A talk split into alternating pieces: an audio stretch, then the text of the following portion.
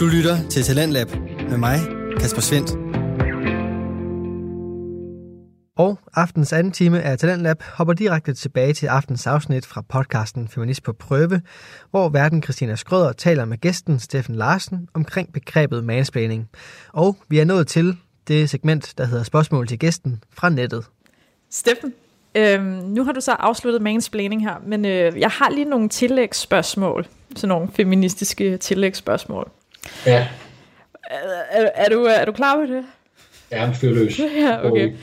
Okay, hvis, øh, hvis du er blevet, lad os antage, at du ikke har en kone. Hvis du er blevet inviteret på date, eller du har sagt ja til at tage på date med en, øh, med en person, øh, vil du så betale regningen, eller vil du gerne have, I splittet den? Altså, hvis jeg er blevet inviteret ud, Ja.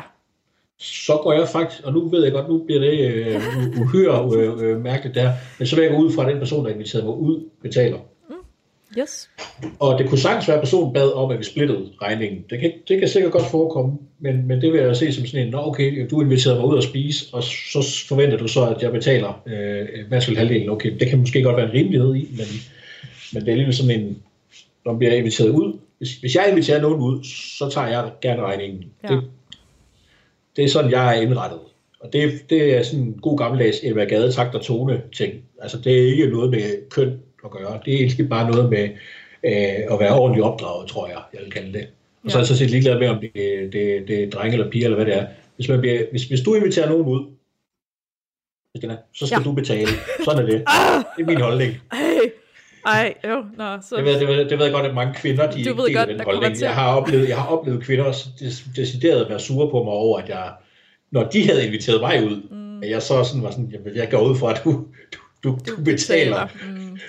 Altså, det har jeg oplevet kvinder være sure over, så det, det er sådan alligevel en, en, en, en sjov ting. Men jeg har også øh, gru- grundlæggende haft sådan en ting, at når jeg har inviteret ud, så har jeg betalt altid. Det, det har jeg været sådan relativt large. Men det er også, så igen, det er jo den her ting med, hvordan, øh, hvem, hvem inviterer så mest ud, kvinder eller mænd, kan man så spørge om. Og der er min klare opfattelse, at det primært er mænd, der spørger, om kvinden vil være ude. Ja, det, medmindre de er i et parforhold. Ej.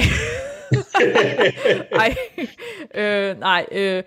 Nå, men jeg kan da godt mærke på det hele, at... Øh, øh, ja, men det er jo bare, øh, du ved, sådan, som kvinde, så, øh, så sidder man nogle gange lidt og venter på, at manden han sådan siger, hey, øh, skal vi ikke tage ud og spise? Øh, og sådan noget. Og så, Så tager sig sammen. ja, præcis. Øh, Og det er fordi, mænd er dårlige til det der. Prøv at tænke på, til sig sammen. De hvis det, hvis det var mig, der skulle betale hver gang. Ej. Nå, anyways. Øhm, nå. Øh, okay, så har jeg et andet spørgsmål. Øh, kan feminisme skade din karriere? Om feminisme kan skade ens karriere. Ja, hvis du er en feminist, der står frem og, øh, og, ligesom ytrer sig, lad os sige på sociale medier. Altså, de færreste mennesker har en karriere, og langt de fleste mennesker har bare et job. Det, det er jo den første præmis, vi lige skal på plads. Så. Mm. Det næste er så, okay, hvis du så er feminist, og du gerne vil gøre karriere, hvorfor skulle det skade din karriere, med mindre at det, du arbejder med, er noget, der, hvor du ytrer dig direkte imod det? Altså, hvis du går ud hver dag og siger, at din chef han er en idiot, fordi han er mand, så kan det godt være, at det skader dit, dit job, din jobmuligheder og din karriere. Altså, det, man, det kommer an på, hvad man ytrer, og hvordan man gør det, og hvordan man, man argumenterer igen. Altså, øh, jeg har da set nogle øh, øh, ekstreme feminister øh, ytre sig på en sådan måde om øh, navngivende personer, at jeg tænker, det kan da godt være, at de får svært ved at kan have et normalt arbejde, ikke? men så har de tit læst sådan noget kønsstudier eller noget andet på RUG, eller, og derfor øh, kom det en eller anden forskerstilling, og så siddet der og, og, og hudlet sig på et universitet, og det er jo sikkert, så er det jo sikkert udmærket at have nogle meget fjendtlige holdninger til mænd, hvis man skal øh, have sådan en stilling. Det ved jeg ikke, det er sådan en fantasi, eller så, øh, tanke, jeg har om, at det, det, der kan det måske godt lade sig gøre. Men altså, hvis du skal arbejde som advokat i et Fortune 500 selskab, så er det måske ikke så smart, at du går ud og siger, at øh, alle de der mænd, der omgiver dig i dit daglige arbejde, de alle sammen automatisk er nogle racister og sexister og nogle dumme svin. Altså, det tror jeg ikke, det hjælper din karriere, at, at udtale sig grimt om, om andre mennesker. Øh, og det er jo det, jeg oplever. Øh, så, så øh, grundlæggende kunne det skade ens karriere at være øh, feminist? Øh, nej, det behøver det ikke gøre, men altså, alt er jo individuelt, og øh, hvordan du udtrykker dig, hvordan du gør dine ting, det, øh, det kan have konsekvenser for, hvordan du fører dit liv, og hvad, hvad mening du får med dit liv. Altså, det er jo, det er jo bare en realitet af det at være et menneske. Mm. Okay, jeg har det sidste spørgsmål. Det var faktisk et af, af min kæreste, han, han spurgte om. Hvad er værst? Manspreading eller mansplaining? øh, nu er jeg jo en af de mennesker, der godt kan lide at have relativt god social afstand til andre. Ja. Øh, jeg, jeg, jeg manspreader ikke rigtig selv, har jeg bemærket. Øh, Måske skal sidder, man, vi lige forklare, hvad det er. Man, manspreading, det er, når man sidder med meget bred øh, benstand mm. i et offentligt transportmiddel oftest. Det er ligesom der, det, det har taget fat. Det startede vist med, at det var i Madrids øh, metro, at der var øh, nogle feminister, der gik rundt og, og øh, hvad det, tog billeder af mænd og lagde dem på nettet og udskammede dem og svinte dem til, fordi ah. de sad fyldt for to. Ja. Øh, det, der så var mærkeligt ved de der billeder i min verden, det var jo selvfølgelig, at det var et, en metro, hvor der var måske ni mennesker i en togvogn, hvor der var plads til 100, ikke? og så, så brokkede man så over en mand, han sad med relativt spredte ben helt alene over det ene hjørne. Og sådan en, okay, øh, har man ikke større problemer end, end det, så, så tror jeg, at man ikke har nogen problemer. Ikke? Altså, øh, jeg kunne forstå det, hvis det var sådan helt fyldt i togvognen, og der, der, der var simpelthen ikke plads til flere, og så sad der en mand og optog to sæder, fordi han spredte ben. Mm. Det kan jeg godt forstå, det, det, der, det der træls, ikke? Og derudover så er det også den der klassiske, sådan lidt, hvem, hvem er psykopaten, der sætter sig lige op og ned af en anden person, hvis der er masser af andre pladser i, i et offentligt transportmiddel, ikke? Altså, øh, hvis, man, hvis man skal bruge den der reference, fordi der er det der med, hvis du kommer ind i et venteværelse, og der sidder en anden person i venteværelset, sætter du så hen på stolen lige ved siden af den person, og nærmest sætter dig op af ham. Eller kunne du finde på at tage en stol, der er måske tre sæder væk? Altså, det der, der er sådan en klassisk altså, social norm, at man ikke sætter sig lige op og ned af den anden person, hvis der er masser af plads. Mm. Man giver hinanden plads i rummet, ikke?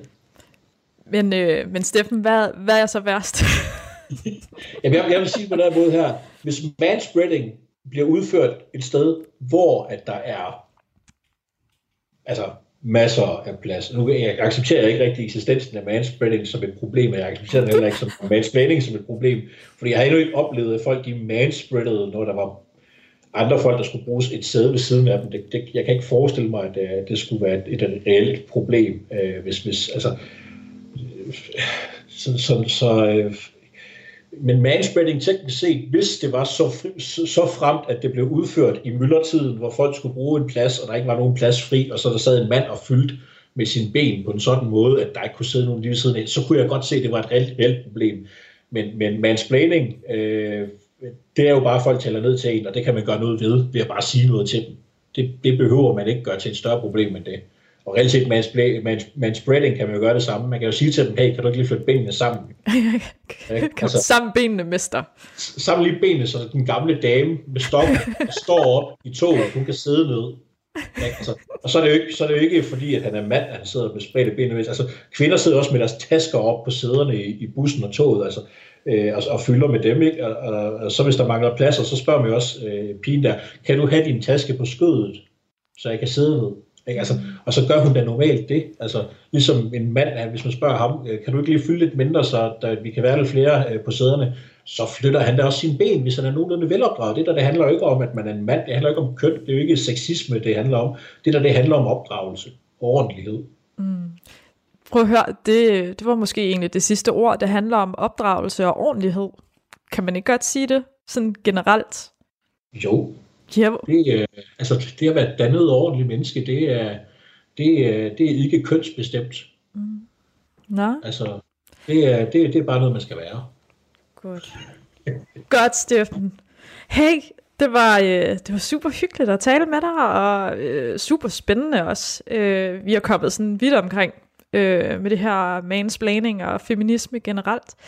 Jeg, jeg tænker, det kan være, at, øh, at jeg en eller anden dag inviterer dig igen jeg synes, det var... Du har virkelig nogle, øh, nogle, nogle spændende øh, synsvinkler på det her. Jamen, øh, tak. Øhm, men, men, men jeg vil sige... Øh, jeg, jeg vil egentlig lige sige tak, men, øh, men inden da, hvis folk de gerne vil finde noget mere om dig, eller hvor de kan læse eller følge dig, hvor, hvor kan man så finde dig henne? Altså, jeg er jo øh, på, på Facebook, øh, og så... Øh, jeg er jo også på Instagram, men Instagram gør jeg ikke så satans meget ud af. Øh, men men jeg, jeg er til at finde på, på, på Facebook. Der har jeg øh, øh, øh reelt set øh, tre forskellige øh, måder, man kan finde mig. Man kan finde min øh, private profil, der må man gerne gå ind og følge den, hvis man vil det. Det er den, jeg primært skriver på. Øh, så er der også en politikerside, den bruger jeg ikke så meget. Øh, og så har jeg øh, en, øh, en side, der hedder Brede Side, Ja som øh, jeg har med en, der hedder Nikolaj Svejgaard, hvor vi øh, laver lidt jokes og lidt sketches og lidt andet, og det øh, øh, handler mest om, om, om ting, vi synes er træls. Øh, men, men altså, Blandt andet mansplaining. blandt med mansplaining og sådan noget, hvor vi laver lidt, lidt, lidt jokes om det gang. Altså, det, den, er, den har ikke været så, så velbrugt i noget tid, men vi er gået i gang med at, at, at fylde lidt indhold på den igen nu. Producere lidt. Ja, lige nøjagtigt. Så Om- der kommer lidt uh, sketches og lidt, uh, lidt infographics på den og sådan noget, som alle sammen har til det formål, at man skal kunne grine af det.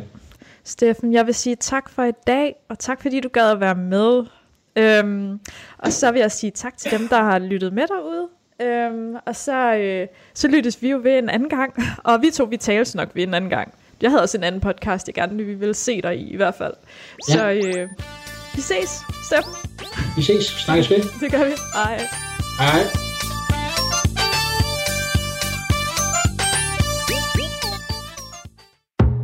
Radio 4 taler med Danmark. Og hvis du vil høre flere afsnit af Feminist på prøve med Christina Skrøder, så kan du enten finde dem på diverse podcastplatforme, men du kan selvfølgelig også finde tidligere Talentlab afsnit både med og uden Feminist på prøve inde på radio4.dk. Aftens anden podcast hedder Ravns Fortællinger, og den består af historier fortalt af Alexander Ravndal Højsting, der skiftevis udgiver historier, som han selv har skrevet eller improviserer på stedet. Ofte der er han alene om at fortælle historierne, men du kan også finde afsnit af podcasten her, hvor Alexander han får selskab af andre til at fortælle historien.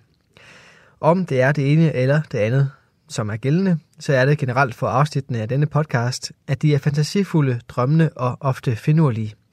Og det er også gældende for aftens historie, som du får lige her.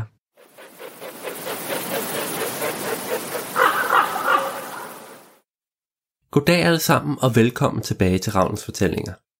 I dagens episode vil jeg fortælle jer en længere historie, så sæt jer godt til rette og find en kop te eller kaffe frem, eller gå en tur i det dejlige forårsvejr og lyt med. Sjælevandring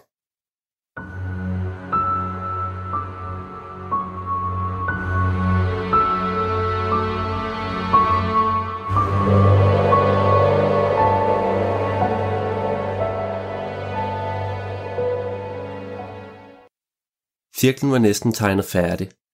Det hvide kridt stod i stærk kontrast til de mørke, kraftige træplanker, der udgjorde gulvet. I den så smukt optegnede cirkel sad en skikkelse på huk og rodede i en taske. Frem fandt hun to starinlys, et hvidt og et sort, og det blev sat på gulvet foran hende. Alt var klar, og tiden var inde. Kvinden tændte det hvide lys og trak vejret dybt, så dybt, at hun kunne smage den søde røg på hendes tunge og mærke, at hendes hoved blev lettere. Jeg bor ikke her, du bor her, ytrede hun, næsten i trance. Jeg er kommet for at lære din historie. Lad mig blive her for en stund. Med disse ord trak kvinden nok engang vejret ganske dybt, og snart var verden anderledes.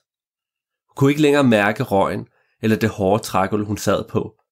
Den træthed, hun måske havde følt før, var nu væk og i det hele taget virkede det som om alle kropslige følelser og lidelser var forsvundet som duk fra solen.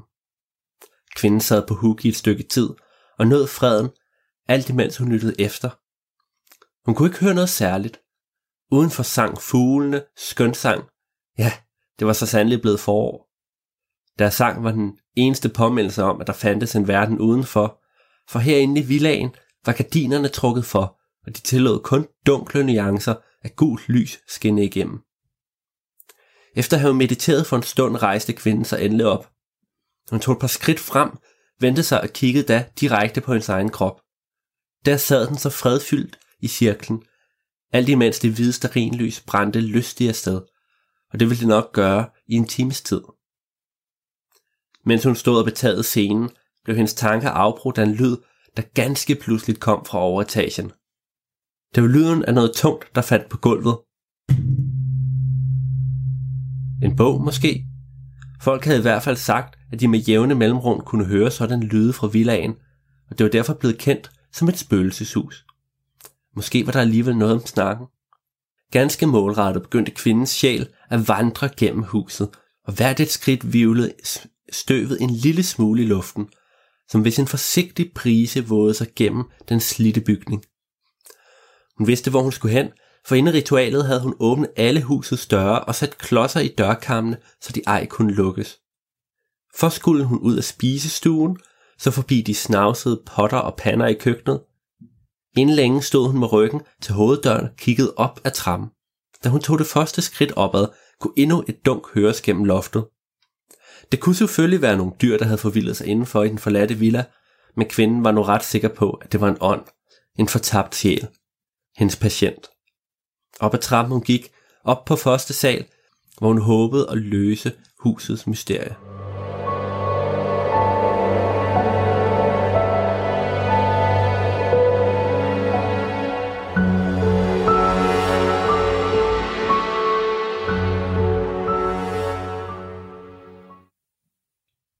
Lette næsten usynlige fodspor kunne ses på hvert et trin af den flotte, hvide trappe. Ved toppen stod kvindens sjæl i en lille buet gang og betagede sine omgivelser. Hun havde set de mægtige gardiner, der hang fra loftet, da hun gennemgik huset tidligere, men det var nu alligevel noget andet at se dem i denne tilstand. Mens hun lyttede efter, lod hun hånden glide hen over den ro, støvede stof. Uanset hvor mange gange hun havde prøvet at sjælevandre, var der altid en paradoxal følelse af afslappethed og fuldstændig gennemtrængende angst. Hun vidste, hvad der kunne ske, og hvorfor hun var her. Kvinden trådte væk fra gardinet og vendte sig da mod den åbne dør for enden af gangen. Det måtte være derinde lydene var kommet fra, for rummet lå vist lige over stuen, hun havde siddet i før. Med forsigtige, men alligevel målrettede skridt, gik hun gennem døren og befandt sig i et stort bibliotek. Der var reoler langs alle rummets vægge, Ja, kun de høje snavsede glasruder brød mønstret af læring og fiktion. Uden på huset voksede der adskillige forskellige klatreplanter, og skønt deres blade til synlædende dækkede de to høje vinduer, kunne de ej helt forhindre lyset i at komme ind. De trængte gennem de mangefarvede blade, som solen trænger gennem kirkens farvede glas, og det kraftige trægulv blev derfor badet af nuancer af grøn, gul og rød. Inde i biblioteket var der fine sofaer og lænestole, og hvis man så bort fra det tykke lag af støv, så virkede hele scenen ganske indbydende. Bøgerne var sorteret efter emne, og derefter alfabetisk, og det orden var kun brudt af en række forskellige bøger, der lå lidt tilfældigt på gulvet langs reolerne. De fleste af disse bøger lå på enten for- eller bagsiden ganske lukket. Men enkelte af dem var åbne, og ved en af disse åbne bøger kunne kvinden se en skikkelse, der sad på huk med ryggen til. Goddag, hej. Må jeg gerne komme nærmere, sagde hun roligt, for hun ønskede ikke at forskrække den ensomme sjæl. Da skikkelsen ej reagerede, tog hun et par skridt nærmere alligevel. Du sidder der ved den åbne bog på huk og læser i den. Jeg kan se dit lange hår, din hvide kjole, dine hænder, der pladrer gennem tekst efter tekst. Denne gang kom der en reaktion fra skikkelsen, for den vendte sig stille om og stirrede på kvinden.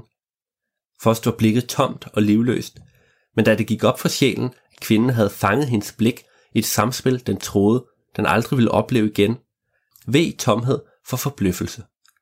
Efter nogle stille sekunder sagde kvinden da, Jeg kan se, jeg kan se dig. Nogle ord, der fik skikkelsen til hastigt rejse sig op. Du kan se mig? Jamen, hvordan kan du se mig?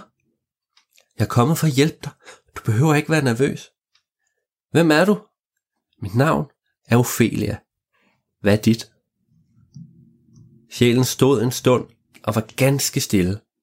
Den åbnede flere gange munden for at tale, men lukkede den hver eneste gang igen, da der ingen ord kom frem. En voldsom fortvivlelse gav sig til kende bag de lange, halvgennemsigtige lokker, og det var tydeligt for Ophelia, at der var noget helt galt. Jeg kan ikke, jeg kan ikke huske det, det er okay. Må, må jeg komme nærmere? Jeg vil bare tale med dig. Jeg kan ikke huske mit eget navn. Skikkelsens statur ændrede sig med disse ord. Hvor hun før havde stået oprejst med rang ryg, faldt den nu en smule sammen og lagde armene over kors. Åh, det, det må jeg, fordi jeg ikke har noget navn. Alle har et navn. Giv det lidt tid, jeg er sikker på, du vil huske dit. Ingenting har ikke noget navn. Ophelia studsede lidt over dette udsagn, men nåede ikke at sige mere, før skikkelsen begyndte at krybe sammen. Hvis sjæle kunne græde, ville tårne have rent som vand fra en overfyldt kop. Torter ville bade gulvet i fortvivlelse og angst. Sjælen træk vejret uregelmæssigt og ganske voldsomt, skønt dens lunger ej kunne fyldes med luft. Da det endelig faldt sammen, i en tæt pakket fosterstilling gik Ophelia forsigtigt, men bestemt hen ved siden af skikkelsen og satte sig på huk. Hun lagde kortvarigt hånden på den skulder, mærkede hvordan den rystede noget så voldsomt. Jeg er ingen... Jeg, jeg er ingenting... Jeg er ingenting mumlede sjælen, mens den sad og stirrede ned i det massive trægulv. Husk vil ikke have mig. Der er ikke nogen, der vil have mig. Ophelia sad helt stille, for nogle gange er det bedst bare at lytte. Alting er så stort. Giggelsens ansigt var anspændt, og dens blik svagt flakkende. Den unaturlige aura skjulte, hvad der nok ellers ville være blodskudte øjne, og et ansigt raseret af voldsom gråd. Jeg vil ikke... Øh, hvor, hvor, alt, hvorfor drejer alting rundt? Ophelia lagde nu begge sine hænder på skikkelsens skulder i håb om, at det ville yde en vis støtte. Sjælen blev der helt stille, og skønt den stadig rystede noget så forfærdeligt, løftede den sin ene arm. Dens hånd blev lagt over venstre skulder, oven på Ophelias hånd, og der holdt den fast. I de næste mange minutter sad de blot der, helt stille i biblioteket. Og selvom der ikke blev sagt et eneste ord, vidste Ophelia skikkelsens angst langsomt blev lindret, i hvert fald for en stund. Hendes hånd blev brugt som et anker for skikkelsen, et anker, der sikrede, at den ej flød længere ud på fortvivlelsens farvand. Og i stedet, i stedet så blev den trukket ind i tryghedens havn. Ophelia, det, det var dit navn, var det ikke? Ja, det, det er det. Sjælen rejste sig op og tog nogle få skridt fremad. Tak, tak fordi du kom forbi. Tak. Med disse ord vendte den sig og kiggede Ophelia direkte i øjnene, efter hun spurgte, om hun var kommet for at blive. Jeg er ikke kommet for at blive for evigt, nej. Jeg skal gå om cirka 20 minutter. Men jeg kommer igen i morgen, og dagen efter det, og så mange dage, du har brug for det.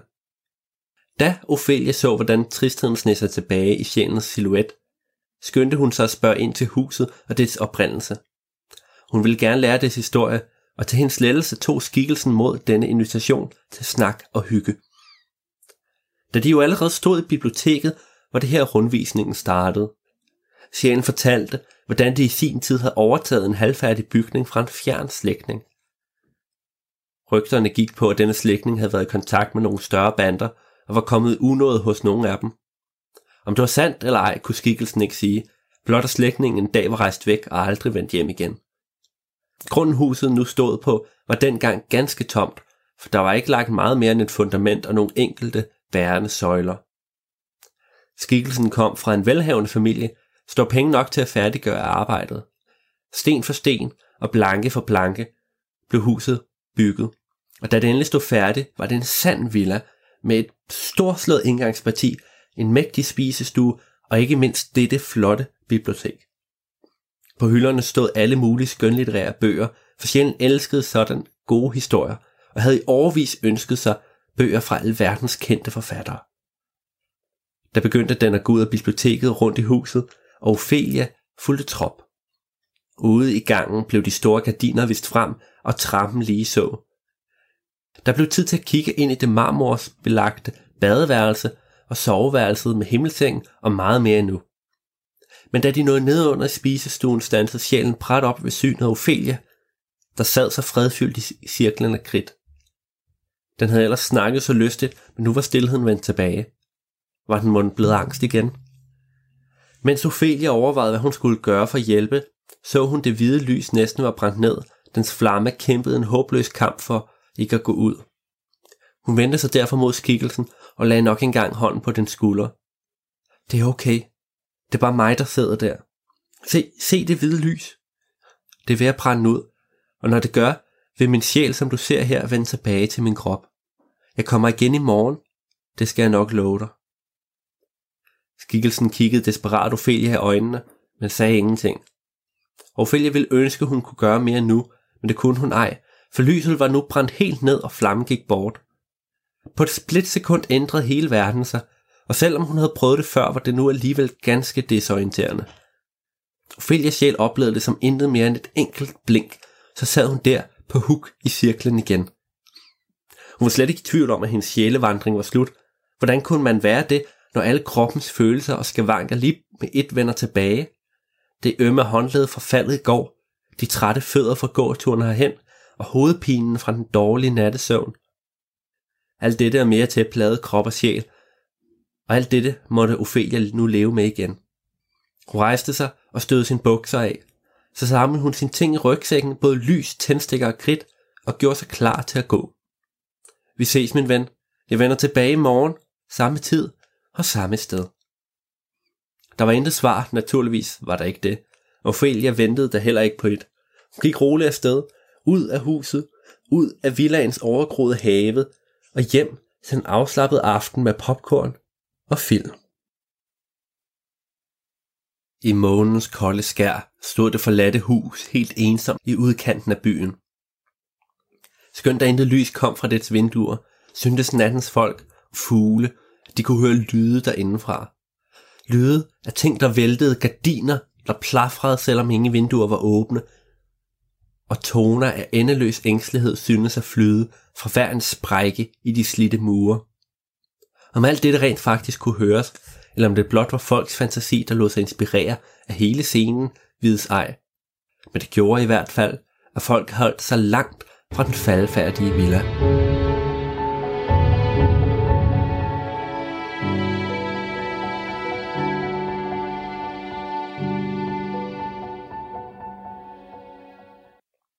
Ophelia fandt nok engang kridtet frem for rygsækken. Cirklen fra dagen før kunne stadig ses, men hun ville gerne være på den sikre side. Lyset blev sat, og det hvide tændt, og Ophelias sind forsvandt fra hendes lame. Da alle kropslige følelser var væk, åbnede hun sine øjne og så da husets sjæl stå foran hende. Du, du kom virkelig tilbage? Ja, det gjorde jeg, for det havde jeg lovet dig. Ophelia smilte så varmt hendes sjæl nu kunne, og spurgte skikkelsen, hvad den havde lyst til at lave i dag. Efter lidt betænkningstid svarede den, at han gerne ville høre mere om Ophelia. Hvem var hun egentlig, og hvorfor ville hun dog bruge sin tid med skikkelsen? Ophelia rejste sig da og foreslog, at de skulle spøge gennem huset nok en gang, mens hun fortalte om sit liv, hvilket skikkelsen sagde god for. Men hvor skulle de begynde? Ophelia var vokset op som den ældste i en søskendeflok på fire, og hun ville egentlig mene, at hendes opvækst havde været præget af tryghed, måske lige bortset fra den gang hendes forældre blev skilt. Hun forklarede, at hun allerede som ganske ung var blevet betaget af sjælevandring og frivilligt læst bøger om emnet. Men lå de virkelig et barn sjælevandre? udbrød sjælen chokeret. nej, nej, dog ikke, grinte Ophelia. Jeg så nogle voksne gøre det, og læste mig til resten. Skikkelsens positur blev en smule roligere, og den kiggede ned i gulvet igen, hvilket var et tegn på, at Ophelia kunne fortsætte sin fortælling. Hun beskrev, hvordan bøgerne havde lært hende om alle de gode, fantastiske ting, ved at lade sin sjæl gå på eventyr på egen hånd. Hvordan folk havde vist, at det kunne mindske stress og skabe ro i sindet, og selv de mest fortravlede mennesker. Ja, det var nok den bedste form for meditation, man overhovedet kunne forestille sig. Men samtidig var der jo noget, man skulle være ganske forsigtig med. Ophelia kiggede der på skikkelsen, for at se om der kom nogen reaktion, men det gjorde der ej. Dens blik var stadig nedadvendt. Jeg, jeg blev naturligvis skræmt af alle de ubehagelige sager, der fulgte i sjælevandringens historie, men også underligt fascineret. Og da jeg gerne vil hjælpe for tabte sjæle, valgte jeg at arbejde med det, frem for alt muligt alt andet. Så det vil sige, at du er her kun, fordi det er dit arbejde.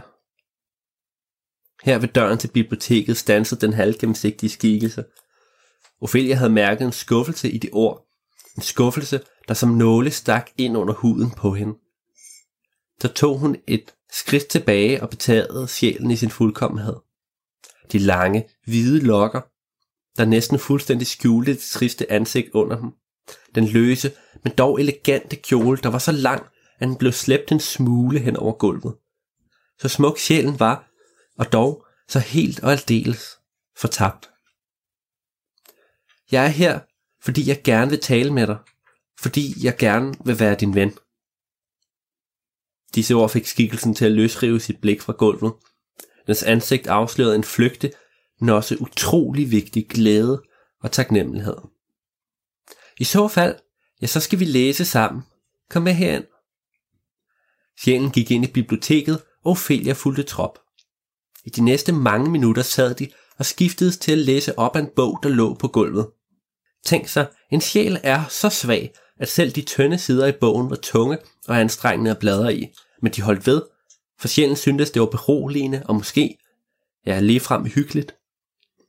Da de havde siddet der en halv times tid, pegede Ophelia på alle de mange bøger, der lå på gulvet, og spurgte, om de var faldet ned selv, velvidende, at det var de næppe.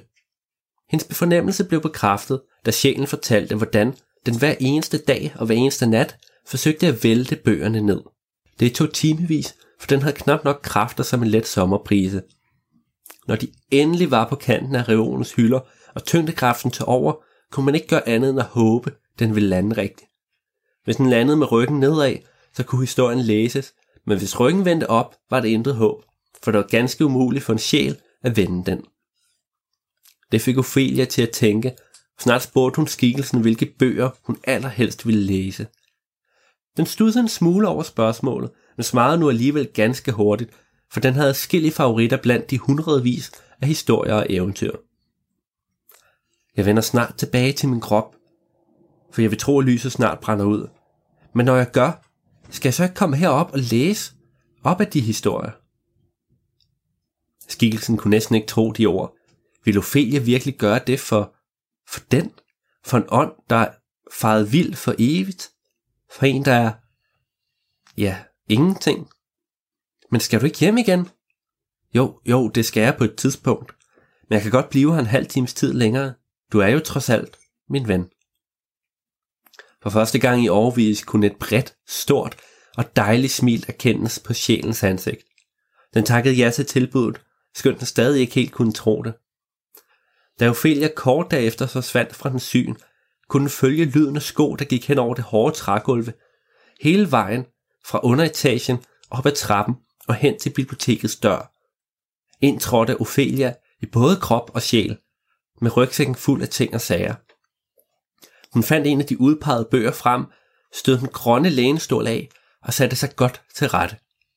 Efter at have taget en tår sin vandflaske, slog hun op på første side i romanen og begyndte så at læse op. Mens hun læste, kunne hun ikke lade være med at smile, for skønt hun ikke kunne se skikkelsen, så vidste hun, at hendes gestus brængte glæde. Denne følelse af at have gjort en god gerning varede ved, selv på en lange tur hjem senere den aften, og sågar da Ophelia endelig lå rolig og afslappet i sin seng og faldt i søvn. De næste par dage fulgte nogenlunde samme rytme. Hver dag kom Ophelia hen til villaen, genoptegnede kridtcirklen, tændte det hvide lys og besøgte derved sjælen i huset. Og hver en dag talte de sammen i en times tid, inden Ophelia vendte tilbage til den kropslige verden og læste op af bøgerne. Skikkelsen var stadig meget taknemmelig for den venlige gestus, og de to blev med tiden tætte venner. De betroede hinanden mangt og meget, for de vidste, at hvad de delte her i åndernes verden ville forblive hemmeligt for evigt. Ophelia nød oprigtigt deres snakke. Det var lidt som at have en hemmelig ven, ingen andre kendte til. Men alligevel var hendes sind hjemsøgt er en utilregnelig blanding af vemodighed og skyldfølelse. Hun var her jo for at hjælpe den fortabte sjæl, men hun vidste stadig ikke, hvordan den havde lidt denne skæbne. Nej, hun, hun kendte ikke engang dens navn. Skønt hun var betænkelig ved at bringe det på banen, gjorde hun det alligevel en dag. For måske havde sjælen fået det så meget bedre, at den kunne tåle at tale om det. Ophelia sad som sin sjæl ved siden af skikkelsen midt i biblioteket, som hun havde gjort det mange gange før, og lagde der hånden på den skulder. Min ven, jeg nyder dit selskab, men jeg ved stadig ikke, hvad du hedder. Kan du stadig ikke huske det? Skikkelsen kiggede roligt på Ophelia, og til en stor glæde var der intet tegn på angst eller panik i dens blik. Den havde det helt klart bedre, det var der ikke længere nogen tvivl om. Nej, det, det kan jeg desværre ikke. Jeg, jeg har tænkt meget over det lige siden du var her første gang. Er det ikke mærkeligt? Sådan at glemme sit eget navn. Tja, måske er det vigtigt ikke, at du har glemt dit navn, men mere, hvorfor du har. Disse ord fik sjælen til at krybe lidt sammen. Den lagde armene om sin sammenfoldede ben og forsøgte ganske forgæves at varme sig med dens halvgennemsigtige klæder. Ophelia kunne godt se, at det gjorde ondt at tale om det, men hun synes nu alligevel, at den gjorde det rigtig flot. For bare en uge siden vil samtalen være brudt sammen allerede nu. Jeg har glemt mit navn, fordi... Fordi mit navn ikke er vigtigt. Jeg er ingenting. Er du min ven? Ophelia, du ved godt, hvad jeg er. Du er en sjæl. Nej, Ophelia. Lad nu være med at spille dum. Jeg, jeg er ingenting. Jeg, jeg er død. Jeg er ingenting. Alene at sige dette var en kæmpe kraftanstrengelse, og sjælen sank fuldstændig sammen. Den glæde, der havde præget deres snakke de sidste par dage, var væk som duk fra solen, og de sad i stillhed i flere minutter, før Ophelia endelig rejste sig op. Uanset hvad du vælger at tænke om dig selv, så ser jeg dig stadig som min ven, og jeg har brug for at vise dig noget. Skikkelsen kiggede med et tomt blik på hende, men sagde ingenting. Det kommer til at gøre ondt, men jeg tror virkelig, det er vigtigt, du ved det. Vil du ikke se det alligevel? Det før så tomme blik fik nu tilsat et snært af nysgerrighed, og skikkelsen rejste da lige så, inden den proklamerede, at det kunne vel lige så godt. Så gik de to afsted ned ad trappen og ind i spisestuen, hvor Ophelias krop sad så nydeligt og fredfyldt, ganske som den plejede. Hen over de sidste par dage havde skikkelsen på Ophelias opfordring øvet sig at nærme sig hendes krop, og selvom det stadig var svært for den, gik det egentlig fint. Ophelia sad da sig på huk foran sin krop og pegede da på det hvide lys. Hun gentog, hvad hun havde fortalt før, nemlig at lyset lod hende vandre i sjælen, så længe det brændte, og skikkelsen nikkede stille. Dernæst beskrev hun, hvordan den hvide cirkel hjalp med koncentrationen. Det var ikke nødvendigt, men hun foretrækker broen for hurtigt at komme i en rigtig trance. Til sidst så pegede hun på den sorte lys, der stadig stod ganske urørt ved hendes side. Ved du, hvad dette er? Skikkelsen kiggede undrende på Ophelia og rystede på hovedet. Det lignede nu bare et almindeligt lys. Ja, det kan du have ret i, men det er det ikke. Det er et åndelys. Det kan ikke tænde sig mennesker, kun af sjæle. Sjæle som dig. Men hvad gør det så? Ophelia rommede lidt på sig. Hvordan ville skikkelsen dog tage imod det svar, hun blev nødt til at give? Hun så på sin krop, på sine lukkede øjne. Hun har stadig liv at vende tilbage til, og det var hun nu frygteligt taknemmelig for. Hvis en sjæl tænder det lys, blev det sluppet fri fra denne verden. Så vil den, når lyset brændt ned, rejse bort herfra. Ophelia så op på skikkelsen, og det, der mødte hendes blik, var synet af angst og frygt. Sjælen tog nogle skridt baglæns, før den helt vendte sig og løb ud af rummet. Ophelia sprang på benene og fulgte efter, og det viste sig, at skyggelsen havde løbet ud af den åbne hoveddør. Her var den faldet sammen og lå nu midt i haven i fosterstilling, mens den forsøgte at dække både ører og øjne med sin arme. Ophelia skyndte sig hen ved den side og satte sig på huk. Jeg er så bange, Ophelia. Hele sjælen rystede voldsomt og ukontrolleret. Jeg kan ikke. Hvad sker der? Ophelia lagde en hånd på skikkelsens hoved og en på dens højre arm. Jeg vil ikke, jeg vil, jeg vil ikke, jeg vil. Ophelia åbnede munden for at sige noget, men lukkede dem stille igen. For hvad kunne hun sige, der ville give trøst i denne stund? Inderst inden forstod hun jo godt dens frygt. Jeg er død. Ophelia, jeg er død. Men jeg vil ikke dø. Ophelia holdt skikkelsen lidt tættere og tog fast i den ene hånd. Se. Prøv at se op. Ophelia, himlen æder mig. Himlen... Ophelia kiggede op og så en fuldstændig modbydelig himmel langt, langt over dem. Den blå farve og de hvide skyer var erstattet af en vivlstrøm sorte tanker, der krødslugte håbet hos alle fortabte sæle, der så den. Hjælp mig. Ophelia fik vristet sit blik fra det skræmmende syn, og vendte nok engang sin opmærksomhed mod den stakkels skikkelse, der lå på jorden foran hende. Hun tog fat i begge dens hænder og bad den rejse sig, så de kunne gå inden for i læg og sikkerhed. Det tog noget tid, men til sidst lykkedes det hende at få den overtalt, og så forlod de sammen den vilde have og vendte tilbage til villandens trygge rammer. De satte sig ved siden af hinanden på trappens nederste trin, og skikkelsen holdt sig fast, den overhovedet kunne på Ophelias hænder, for de to var et ræb, der hjalp sjælen op af fortvivlelsens afgrund. Da den efter en stund begyndte at falde til ro, sagde Ophelia undskyld. Undskyld for, at hun havde frembragt et angstanfald hos kikkelsen. Undskyld for, at hun ej havde kunnet forhindre det. Men da sjælen havde genvåget mod til at tale, sagde den plot, at det skulle hun ikke sige. Jeg er glad for din ærlighed, Ophelia. Jeg, det er jeg virkelig, selvom det gør ondt. Med disse ord kunne Ophelia slappe en smule mere af, for hendes samvittighed var ikke helt så tung som før. Der er ingen tvang. Lyset, lyset er et valg for dig. Hvis du ikke ønsker at bruge det, vil jeg stadig komme forbi, så længe jeg kan. Og skikkelsen rykkede Dan smule tættere på Ophelia, lænede sig blidt op af hende, mens den stadig holdt fast i hendes hænder. Tak. Det... Tak.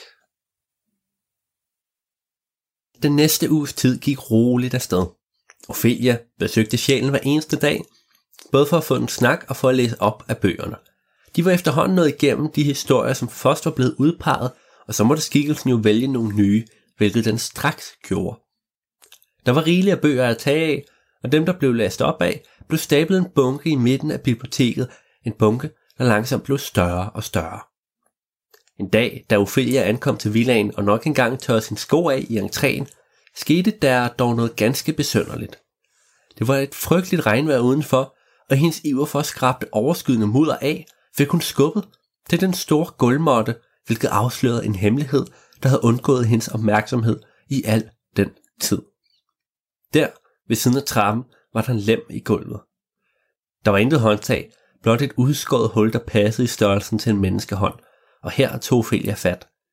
Det var tydeligvis mange år siden denne lem var blevet åbnet, for hun skulle virkelig bruge alle sine kræfter, før den til sidst gav efter.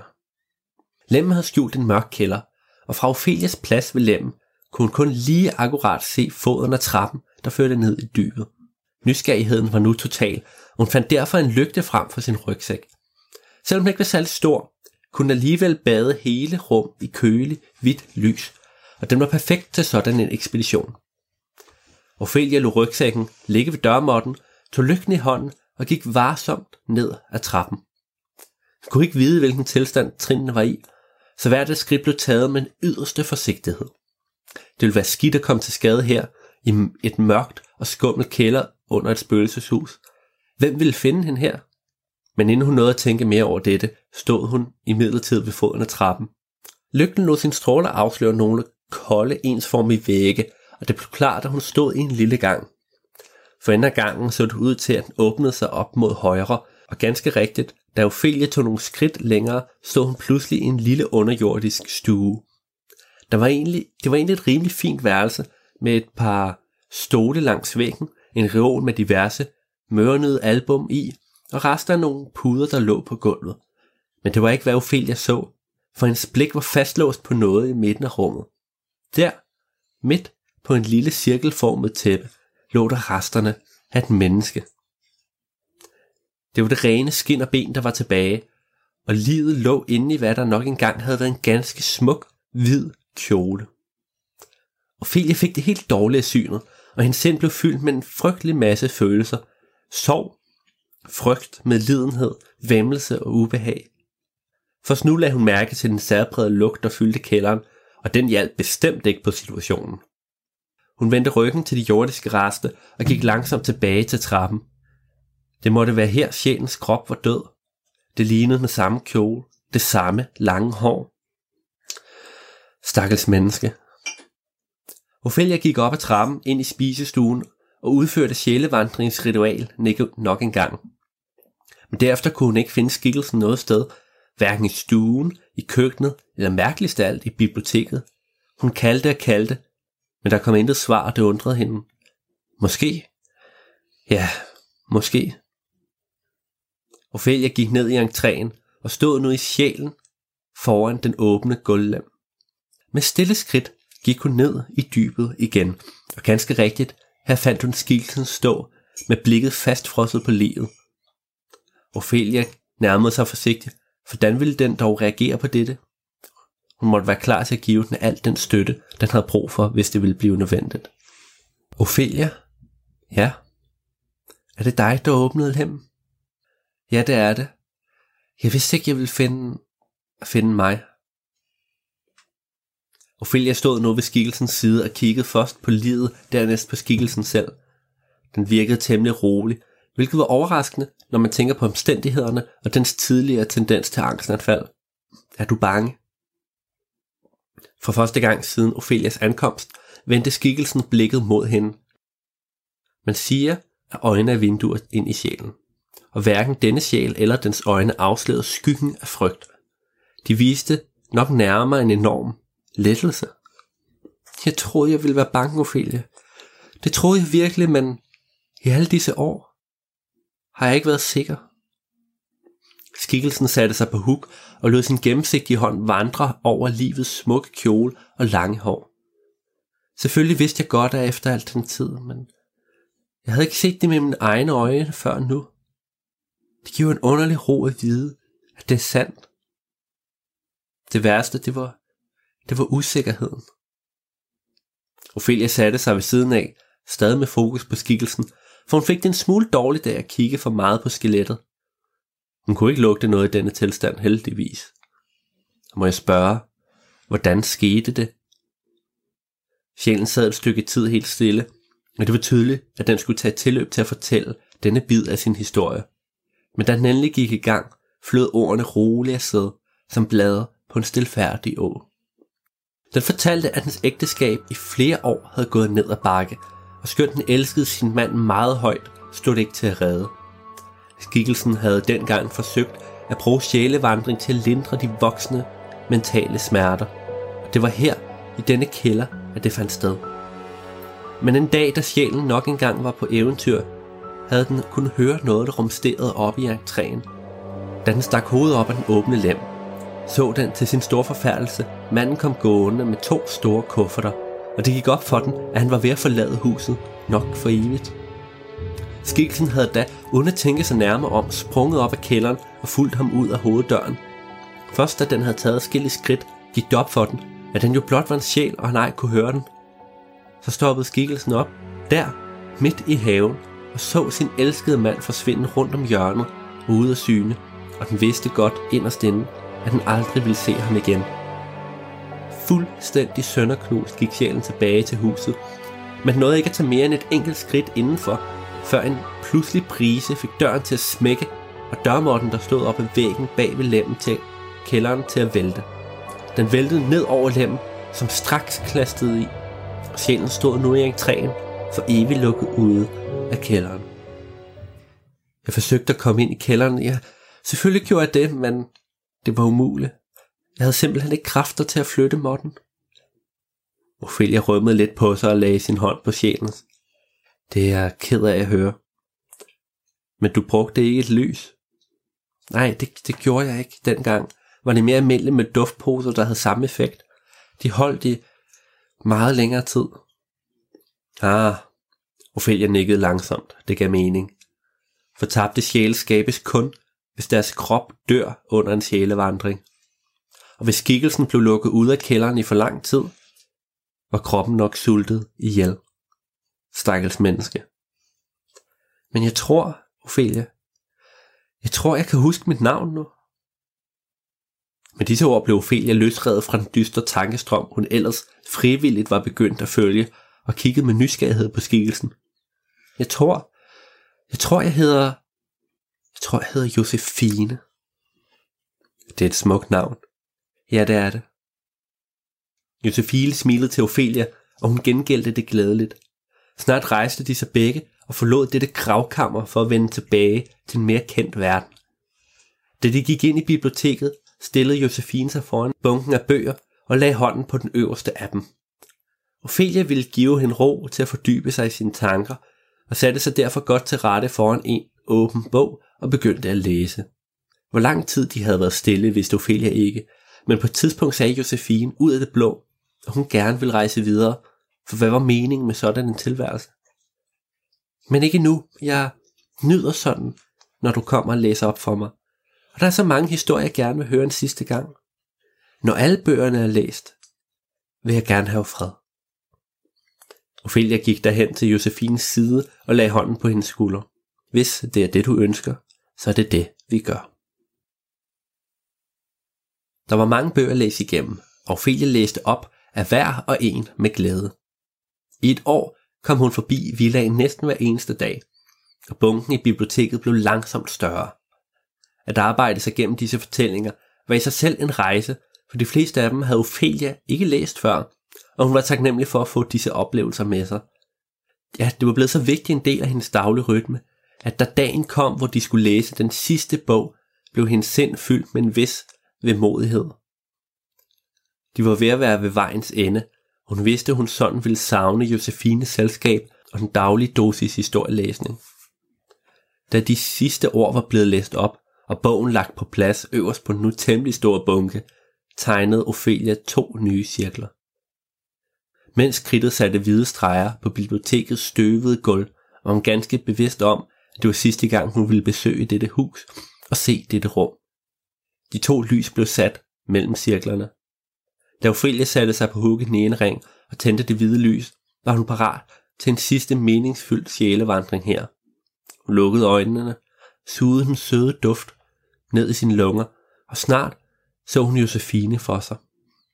Hun stod henne ved den store bunke bøger og betagede de endeløse sider af ord. Jeg, jeg er klar. Ophelia bad Josefine sætte sig i kridtcirklen overfor, og det gjorde hun. De sad der og kiggede hinanden i øjnene. Ophelia så en smuk og yndig kvinde, som havde lidt en forfærdelig skæbne.